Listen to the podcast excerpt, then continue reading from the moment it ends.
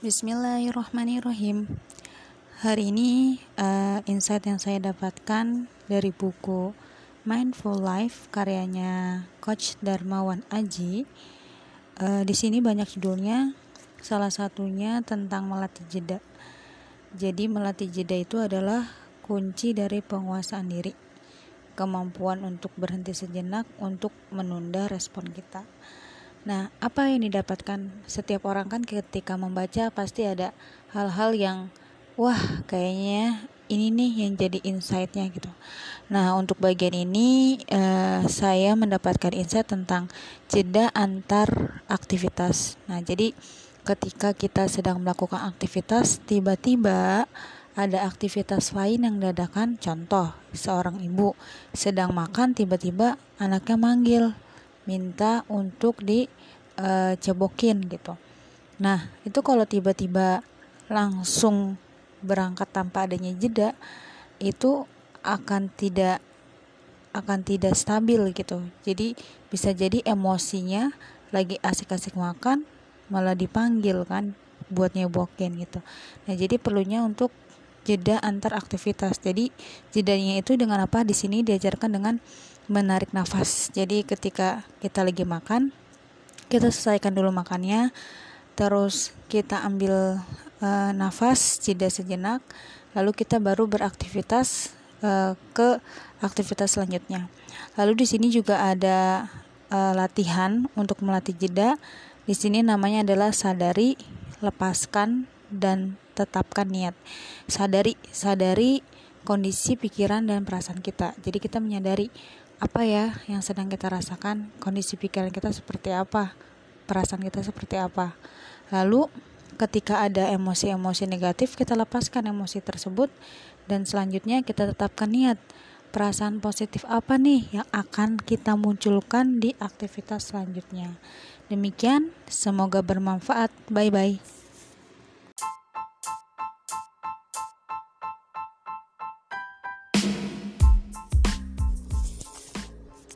Hai guys, sebelum kita mulai, kita baca basmalah terlebih dahulu ya.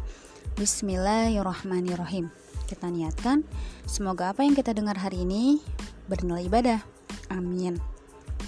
Salah satu subjudul yang ada di buku Mindful Life, karangan atau karya dari Coach Darmawan Aji adalah berjudul Solusi untuk satu masalah adalah pemicu masalah berikutnya ketika saya membacakan judul ini, apa yang terlintas di pikiran teman-teman? Masalah. Setiap orang yang ada di dunia ini pasti mempunyai masalah. Bener nggak? Kayaknya nggak mungkin kalau orang nggak punya masalah. Kecuali anak kecil yang memang belum mengerti. Nah, ketika kita tahu setiap orang pasti punya masalah, lalu tugas kita bagaimana? Tugas kita adalah menerima, lalu kita nikmatilah masalah-masalah tersebut. Dan masalah-masalah itu akan terus berganti. Jadi gini, contoh, ketika ada mahasiswa dalam perkuliahan ada yang namanya proses sidang proposal, lalu ada proses buat skripsi. Nah, masalah mereka adalah gimana caranya mereka bisa lulus, ya kan? Tapi setelah mereka lulus, ada hal lain, ada masalah lain yaitu bagaimana mereka bisa mendapatkan pekerjaan yang sesuai bagi mereka. Nanti ketika mereka bekerja pun sama. Apa tantangan-tantangan terjadi dalam pekerjaan? Seperti itu. Jadi memang solusi untuk satu masalah adalah pemicu masalah berikutnya. Maka masalah tidak pernah masalah tidak pernah hilang. Setuju nggak? Iya akan berubah atau meningkat lebih baik. Maka kita jangan berharap dalam kehidupan ini tanpa masalah. Tidak ada kehidupan yang seperti itu. Sebagai gantinya, maka yuk kita berharap berharap agar hidup kita itu ada hidup kita itu dengan masalah-masalah yang baik. Demikian, semoga bermanfaat. Bye bye. Alhamdulillahirabbil alamin.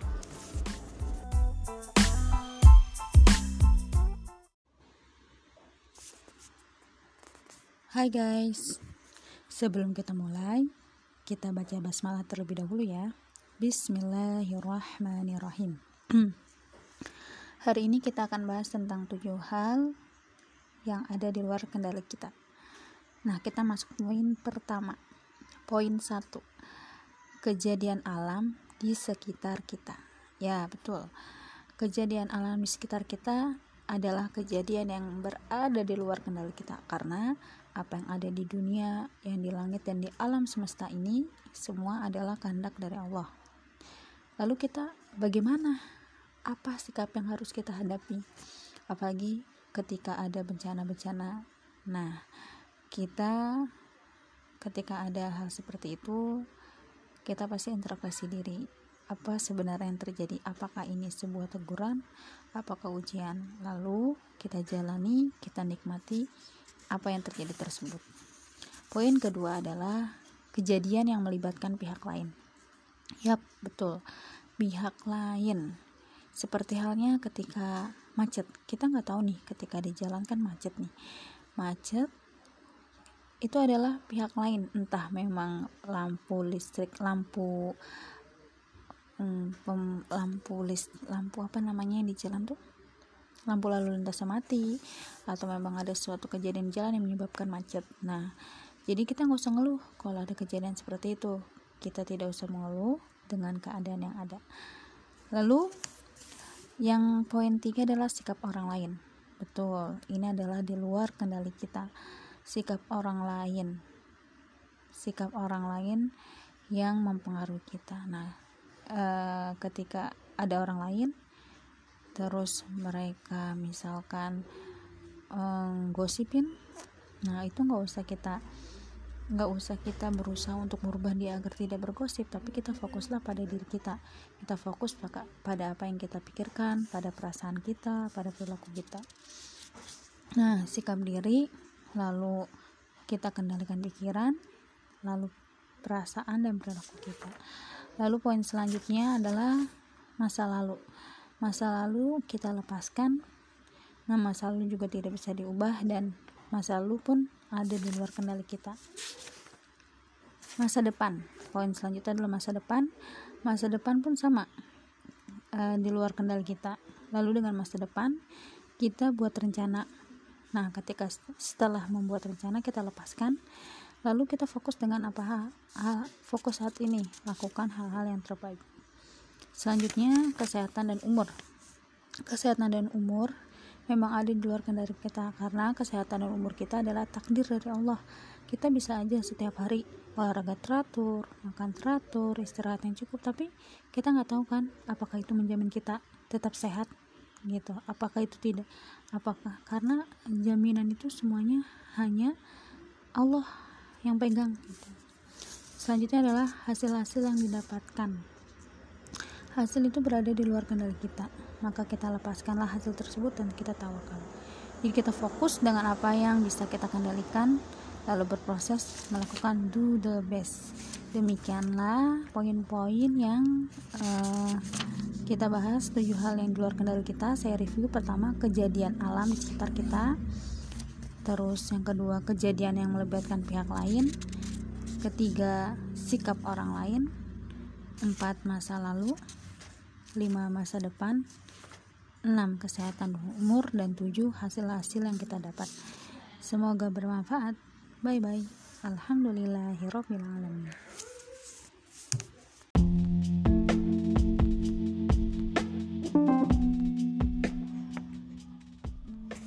Hai guys. Yuk.